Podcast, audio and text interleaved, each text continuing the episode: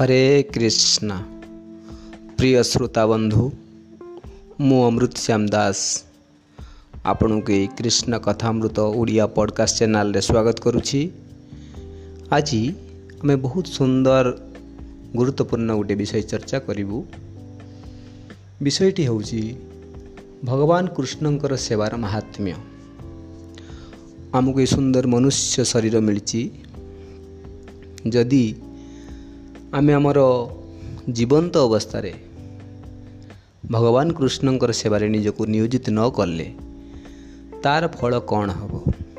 ଏହି ପ୍ରସଙ୍ଗରେ ଗୋଟେ ସୁନ୍ଦର ଷ୍ଟୋରି ଅଛି ମହାଭାରତର କାହାଣୀ ଇଏ। ଆମେ ତାକୁ ଶୁଣିବା ଏବଂ ତାପରେ ଏଥିରୁ କିଛି ଶିକ୍ଷା ନେଇ ଆମ ଜୀବନରେ ମଧ୍ୟ ଉପଯୋଗ କରିବା। କାହାଣୀଟି ଏପରି ମହାଭାରତର ଯୁଦ୍ଧର ଠିକ୍ ପରେ ପରେ ଭଗବାନ ଶ୍ରୀକୃଷ୍ଣ ଆଉ ତାଙ୍କ ସଖା ଅର୍ଜୁନ। ଏକତ୍ର ରଥରେ ବସି ପରିଭ୍ରମଣ କରିବା ଉଦ୍ଦେଶ୍ୟରେ ବାହାରିଥିଲେ ଏମିତି କିଛି ଦୂର ଗଲା ପରେ ଏକ ଜଙ୍ଗଲ ପଡ଼ିଲା।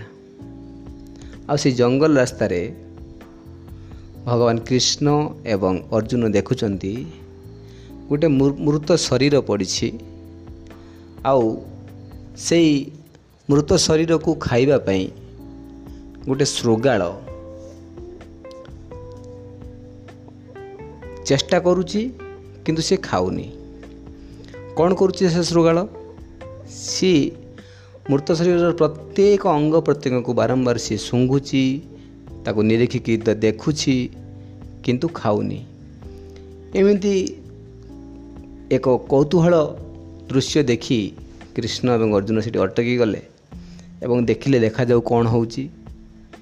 ଅନେକ ସମୟ ପର୍ଯ୍ୟନ୍ତ ସେ ଶୃଗାଳ ସେଇ ମୃତ ଶରୀରଟିକୁ ଭଲ ଭାବରେ ପରୀକ୍ଷା ନିରୀକ୍ଷା କରି ତାକୁ ଆଉ ନ ଖାଇ ପଳାଇଗଲା। ସାଧାରଣତଃ ବିଲୁଆ ବା ଶୃଗାଳ କୁକୁର ଇଏ ଏମିତି ଗୋଟେ ତମଗୁଣୀ ପ୍ରାଣୀ ଏମାନେ ନିଜ ପ୍ରଚେଷ୍ଟାରେ କୌଣସି ଶିକାର ନ କରି କୌଣସି ଜୀବଜନ୍ତୁ ବା ଶରୀର ମରିଗଲା ପରେ ସେ ମୃତ ଶରୀରକୁ ଖାଆନ୍ତି।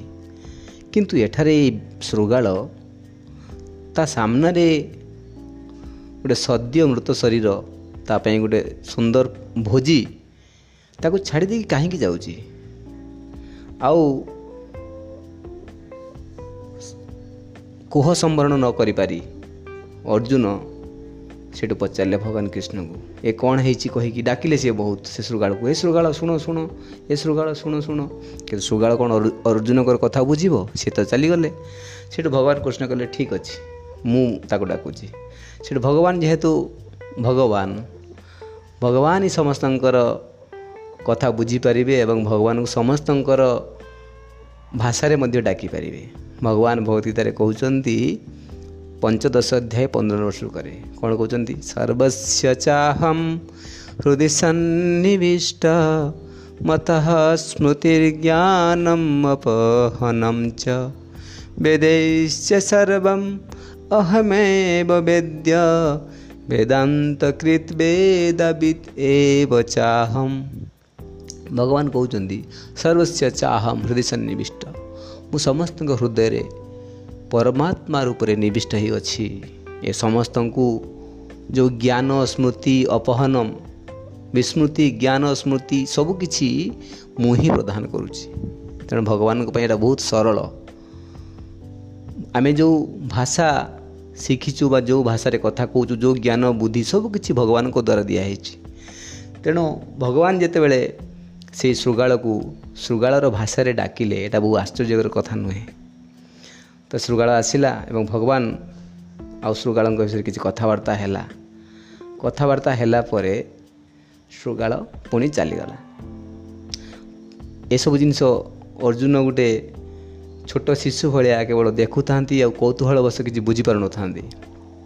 କହିଲେ ହେ ମୋର ପ୍ରିୟ ସଖା କେଶବ ଇଏ କ'ଣ କଥା? ମୁଁ କିଛି ବୁଝିପାରୁନି ମୋତେ ଦୟାକରି ଖୋଲି କରି ବୁଝାନ୍ତୁ। କ'ଣ ଇଏ ବିଷୟବସ୍ତୁ? ସେଇଠୁ ମୃଦୁ ହାସ୍ୟ ଦେଇ ଭଗବାନ ଶ୍ରୀକୃଷ୍ଣ କହିଲେ କହିଲେ ସେ ଶୃଗାଳକୁ ମୁଁ ପଚାରିଲି ହେ ଶୃଗାଳ ଏଇ ଯେଉଁ ମୃତ ଶରୀର ତ ହେଉଛି ତୁମର ଖାଦ୍ୟ। ଆଉ ତୁମ ସାମ୍ନାରେ ଏତେ ସୁନ୍ଦର ଖାଦ୍ୟ ପ୍ରସ୍ତୁତ ହେଇଅଛି ତୁମ ପାଇଁ ଆଜି ଭୋଜିର ଦିନ କିନ୍ତୁ ତୁମେ ଆକୁ କାହିଁକି ନ ଖାଇ ଛାଡ଼ିକି ଚାଲିଯାଉଛ ସେଠି ଶୃଗାଳ ମୋତେ ଉତ୍ତର ଦେଲା କହିଲେ ପ୍ରଭୁ ଆପଣ ତ ଅନ୍ତର୍ଯାମୀ ଆପଣ ସବୁ କଥା ଜାଣିଛନ୍ତି। କିନ୍ତୁ ଆପଣ ମୋତେ ପଚାରୁଛନ୍ତି।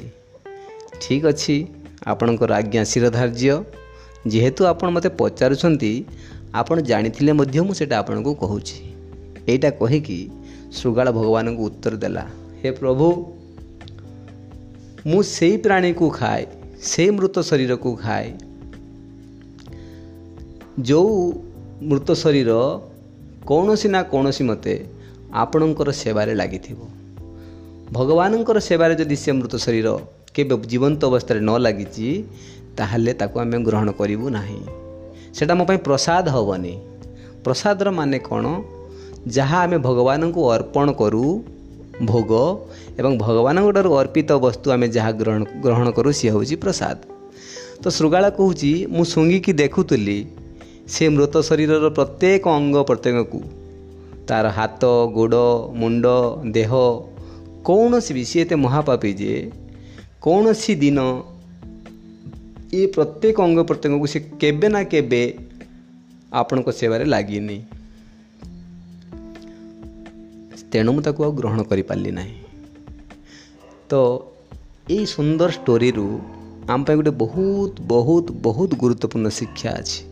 ଭଗବାନଙ୍କର ଶ୍ରୀକୃଷ୍ଣଙ୍କର ସେବାରେ ଯଦି ଆମେ ନ ଲାଗୁଛେ ତାହେଲେ ବାସ୍ତବରେ ଆମର ମନୁଷ୍ୟ ଶରୀର ବୃଥା ସହିତ ସମାନ। ଅନ୍ତରାଷ୍ଟ୍ରୀୟ କୃଷ୍ଣ ଭାବନାମୃତ ସଂଘ ଇସ୍କନର ପ୍ରତିଷ୍ଠାତା ଆଚାର୍ଯ୍ୟ କୃଷ୍ଣ କୃପା ଶ୍ରୀମତୀ ଅଭୟଚରଣାନନ୍ଦ ଭକ୍ତି ବେଦାନ୍ତ ସ୍ୱାମୀ ଶିଳ ପ୍ରପାଦ କହନ୍ତି ଯେ ସମସ୍ତ ପଶୁ ଶରୀର ତା'ର ମୃତ୍ୟୁ ପରେ ଶରୀରର ଉପଯୋଗିତା ଅଛି। ପଶୁ ଶରୀରର ମୃତ୍ୟୁ ପରେ ତା'ର ହାଡ଼ ତା'ର ଚର୍ମ ତା'ର ଦାନ୍ତ ଯେକୌଣସି ପଶୁ ଶରୀରକୁ ନେଲେ କିଛି ନା କିଛି ତା'ର ଉପଯୋଗିତା ଅଛି। କିନ୍ତୁ ମନୁଷ୍ୟ ଗୋଟେ ଏମିତି ଶରୀର ଜୀବଜଗତର ସବୁଠୁ ଶ୍ରେଷ୍ଠ ପ୍ରାଣୀ ମନୁଷ୍ୟ କିନ୍ତୁ ମୃତ୍ୟୁ ପରେ ତା'ର କୌଣସି ଉପଯୋଗିତା ନାହିଁ। ଯାହା ବି ଉପଯୋଗିତା ଅଛି ତା'ର ମୃତ୍ୟୁ ପୂର୍ବରୁ। ତେଣୁ ଯଦି ବାସ୍ତବରେ ଆମେ ଯଦି ଆମ ଜୀବନକୁ ଉପଯୋଗ କରିବା ତାହେଲେ ଭଗବାନ କୃଷ୍ଣଙ୍କର ସେବା କରିପାରିବା। କେମିତି ସେବା କରିପାରିବା? ଆମର ଆଖି ଦ୍ୱାରା ଭଗବାନ ଶ୍ରୀକୃଷ୍ଣଙ୍କର ଶ୍ରୀବିଗ୍ରହ ଦର୍ଶନ କରିବା। ଆମର କାନ ଦ୍ୱାରା ଭଗବାନଙ୍କର ଗୁଣଗାନ ଶୁଣିବା। କଥା କୀର୍ତ୍ତନ ଶ୍ରବଣ କରିବା। ଆମର ପାଟି ଦ୍ୱାରା ଜିଭ ଦ୍ୱାରା ଭଗବାନଙ୍କର ଦିବ୍ୟ ନାମ କୀର୍ତ୍ତନ କରିବା। ମହାମନ୍ତ୍ର କୀର୍ତ୍ତନ କରିବା ଭଗବାନଙ୍କର ଗୁଣଗାନ କରିବା। ଆମର ହାତ ଦ୍ୱାରା ଭଗବାନଙ୍କର ଶୃଙ୍ଗାର କରିବା। କରତାଳି ଦେଇ କୀର୍ତ୍ତନ ଗାଇବା ଭଗବାନଙ୍କ ସେବାରେ ନିୟୋଜିତ କରିବା କିଛି ବି କରିପାରିବା। ପାଦ ଦ୍ୱାରା ଭଗବାନଙ୍କର ମନ୍ଦିରକୁ ଯିବା ମନ୍ଦିର ପରିଭ୍ରମଣ ପରିକ୍ରମା କରିବା ଏମିତି ଆମର ପ୍ରତ୍ୟେକ ଅଙ୍ଗ ପ୍ରତ୍ୟଙ୍ଗକୁ ଆମେ ଭଗବାନଙ୍କର ସେବାରେ ଲଗାଇ ପାରିବା। ତାହେଲେ ଆମର ଏଇ ମନୁଷ୍ୟ ଜୀବନ ବାସ୍ତବରେ ସଫଳ ହୋଇପାରିବ। ତେଣୁ ଆଜିର ଏଇ ଛୋଟ ଷ୍ଟୋରିରୁ ଆମେ ଗୋଟେ ବହୁତ ଗୁରୁତ୍ୱପୂର୍ଣ୍ଣ ମହତ୍ତ୍ୱପୂର୍ଣ୍ଣ ଶିକ୍ଷା ନେଇ ଜୀବନକୁ ସେହି ହିସାବରେ ଆମେ ସଜେଇବା।